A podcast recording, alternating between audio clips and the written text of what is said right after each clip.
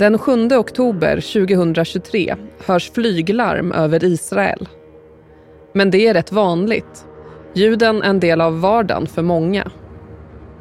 Samtidigt pratar Jonathan Saigen med sin 74-åriga mamma Vivian. De mässar och skojar om situationen. Men snart ändras tonen. Jonathan förstår att hans mamma är i livsfara. It's a massacre, she wrote me. Um, until she wrote me that uh, they're inside the house. Från Dagens Nyheter. Det här är Spotlight. Idag om fredsaktivisten Vivian Silver som misstänks ha kidnappats av Hamas. Jag heter Emma Lokins.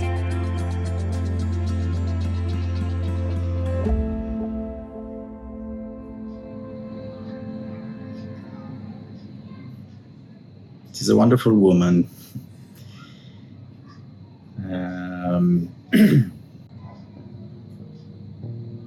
very strong, resilient.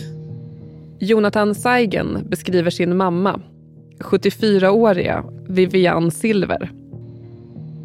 She dedicated her life to peace through organizations and volunteer and public speaking, and uh, that was her life mission. Vivian är en känd israelisk fredsaktivist.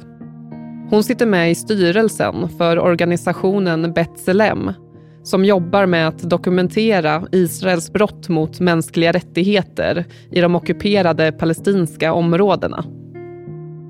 She was also a wonderful mother and grandmother to four, uh, four grandchildren. Vivian bor i Beri-kibbutzen i sydvästra Israel alldeles i närheten av gränsen till Gaza. En kibbutz är en form av kollektivt boende som finns i Israel som grundar sig på socialistiska idéer. Från början var det ofta kollektivjordbruk men idag har många kibbutzer gått över till att driva företag. I Beri bor runt tusen personer och sonen Jonathan är också uppvuxen här. Han skulle egentligen varit hos sin mamma den här morgonen men familjen åkte aldrig dit.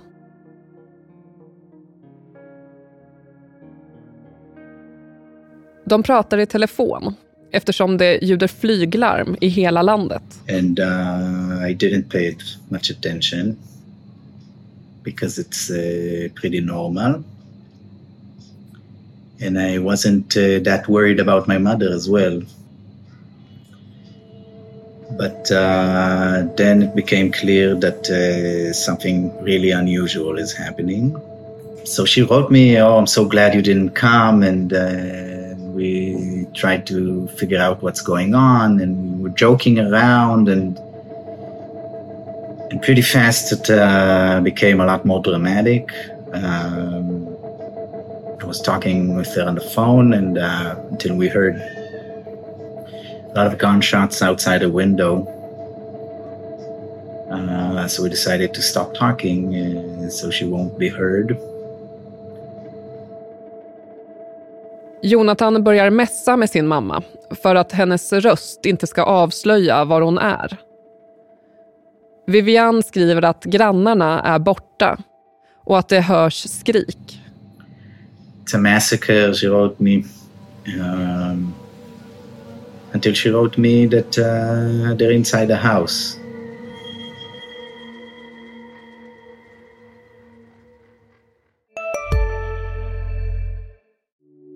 Hej, Ulf Kristersson här. På många sätt är det en mörk tid vi lever i. Men nu tar vi ett stort steg för att göra Sverige till en tryggare och säkrare plats. Sverige är nu medlem i Nato. En för alla, alla för en. Vi är specialister på det vi gör, precis som du. Därför försäkrar vi på Swedea bara småföretag, som ditt. För oss är små företag alltid större än stora och vår företagsförsäkring anpassar sig helt efter firmans förutsättningar. Gå in på swedea.se företag och jämför själv.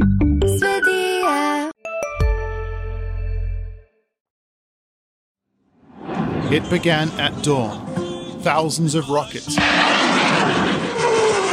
fired skyward from the Gaza Strip into Israel. Terrorgruppen Hamas attackerar Israel tidigt på morgonen den 7 oktober 2023.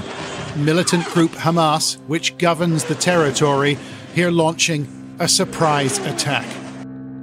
Samtidigt som tusentals raketer skjuts från Gaza forcerar terrorgruppen det stängsel som löper längs gränsen mellan södra Israel och Gazaremsan.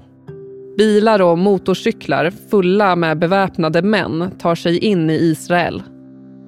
Över 1300 personer har bekräftats döda efter Hamas massakrer på en musikfestival och i samhällen i södra Israel. Eh, människor är i chock, de är traumatiserade. Nästan alla känner ju någon, antingen känner någon som känner någon eller känner någon som är direkt drabbad av den här attacken. Och dödssiffran stiger ganska långsamt men stadigt. Emma Bovin, du är DNs Mellanöstern-korrespondent och du är på plats i Israel. Går det att beskriva stämningen där du befinner dig? Många som jag har pratat med har ju, säger att det kommer i vågor. Eh, vi förstår liksom mer och mer för varje minut vad det är som har hänt. Varje timme så hör vi om någonting nytt och det liksom uppdagas fortfarande nya vidriga detaljer om den här attacken. I Hamas attack tros närmare 200 personer ha kidnappats, enligt Israels regering. Soldater, civila, barn och gamla hålls nu gisslan inne i Gaza. Hamas tar gisslan för att de har insett att det är ett effektivt sätt för dem att eh, få sånt som de vill ha tillbaka. Alltså de använder gisslan som utbyte mot till exempel fängslade Hamas-medlemmar. Det finns historiska exempel där Israel till slut har gått med på att släppa ett stort antal palestinska fångar i utbyte mot kidnappade israeler. Det mest uppmärksammade fallet var när den israeliska soldaten Gilad Shalit byttes mot över 1000 palestinier i ett fångutbyte 2011. Han hade då varit gisslan hos Hamas i fem år och under den tiden släppte Israel också flera hundra fångar bara för att få information om att han fortfarande var vid liv. I dagsläget finns runt 4 500 palestinska säkerhetsfångar i Israel. Det var någon från Hamas som sa i början av det här att nu har vi tagit så många israeliska gisslan så att vi kan få tillbaka varenda palestinsk fånge. Eh, vi har så många så att ni, Israel måste släppa alla. Så det är ju ganska uppenbart att de vet. Det var väldigt strategiskt av dem att ta med sig folk. Vet man var gisslan befinner sig i Gaza? Nej, men man vet ju att Hamas har väldigt mycket tunnlar och utrymmen under Gaza som ingen hittar i. Alltså det, det är ju som tidigare liksom sagt att om någon försvinner in i Gaza, om en Israel försvinner in i Gaza så kommer den personen inte komma tillbaka ifall inte Hamas vill att den personen ska komma tillbaka. För att de har ett väldigt avancerat tunnelsystem. Eh, så nej, det vet man inte. De finns väl förmodligen inte på samma ställe heller. De är väl utspridda kan man tänka sig.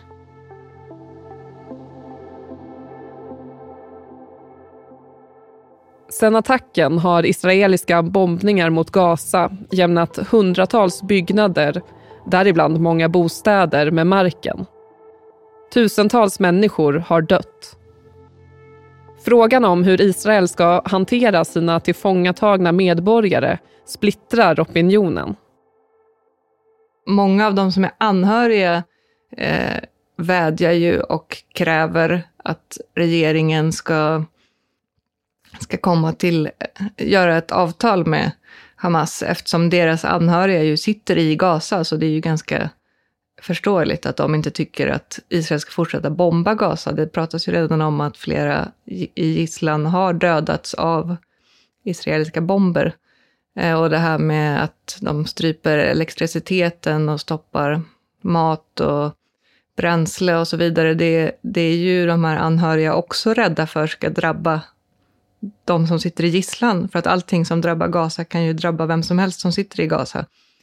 Eh, sen så finns det ju såklart också eh, människor i Israel som tycker att Israel nu ska utrota hela Gaza och bara bomba sönder det. Så jag säger inte att det är så att man kan säga att alla tycker en sak, men många av dem som har anhöriga som sitter inne i Gaza vill att Israel ska sluta, alltså att de ska nå ett vapenstillstånd och förhandla med dem.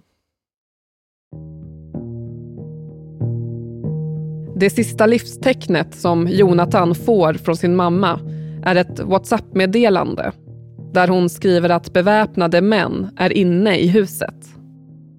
Nu försöker han få svar om vad som har hänt hans mamma, Vivian Silver, sen deras kontakt bröts den där morgonen. Jonathans svärfar får tillstånd att åka till Beri-kibbutzen.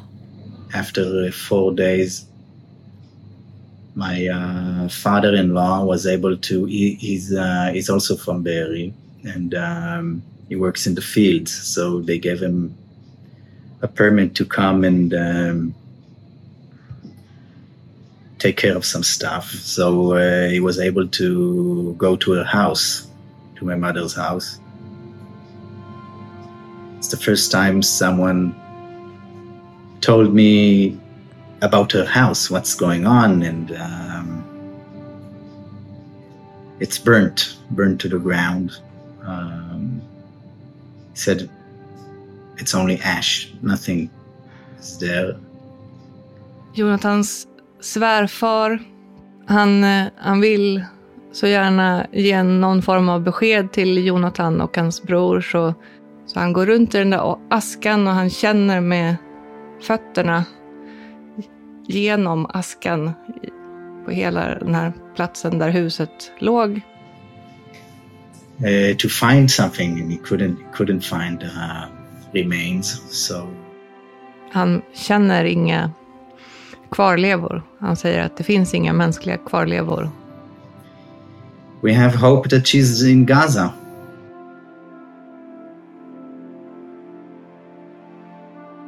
Hon har inte hittats heller. Polisen har ju gått igenom området utanför och hittar väl fortfarande, man är fortfarande inte helt säker på att de har hittat alla som är döda på det där området, men många i alla fall.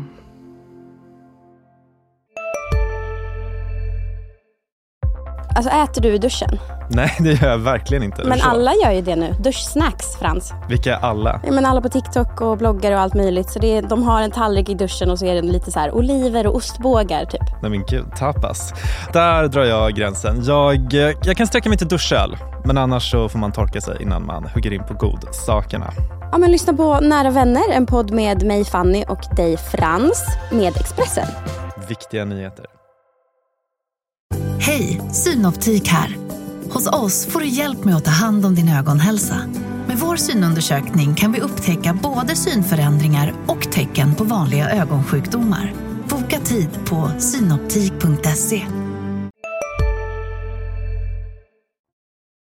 Vad gör människor och anhöriga för att få information om sina anhöriga?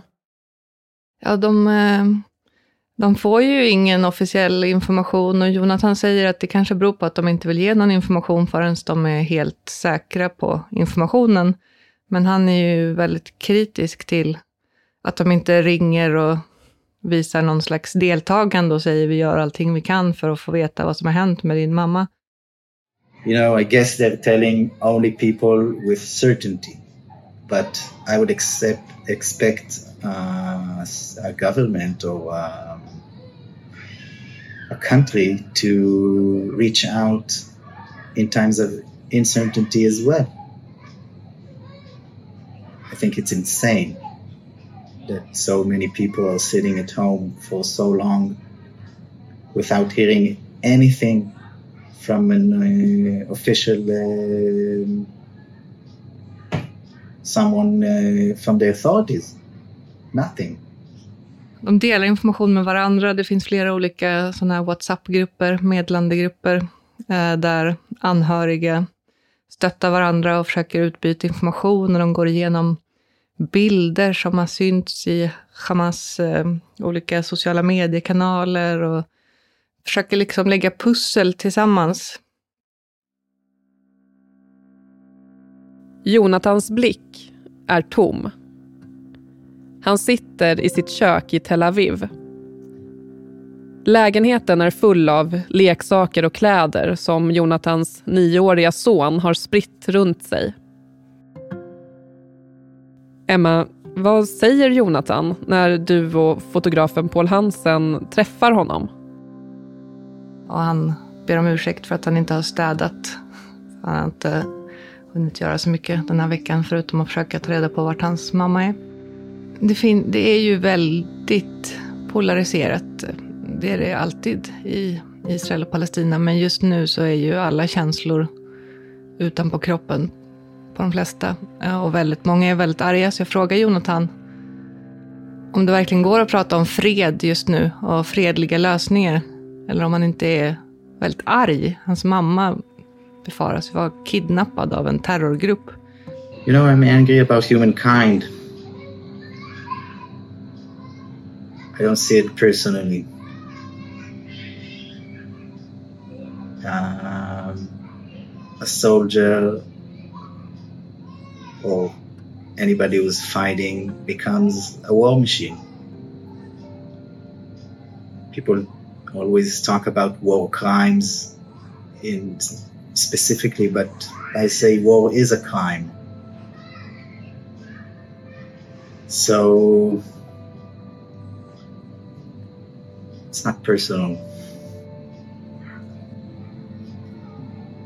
This is exactly what she was fighting to prevent. And I'm sure uh, if she comes back, she'll continue.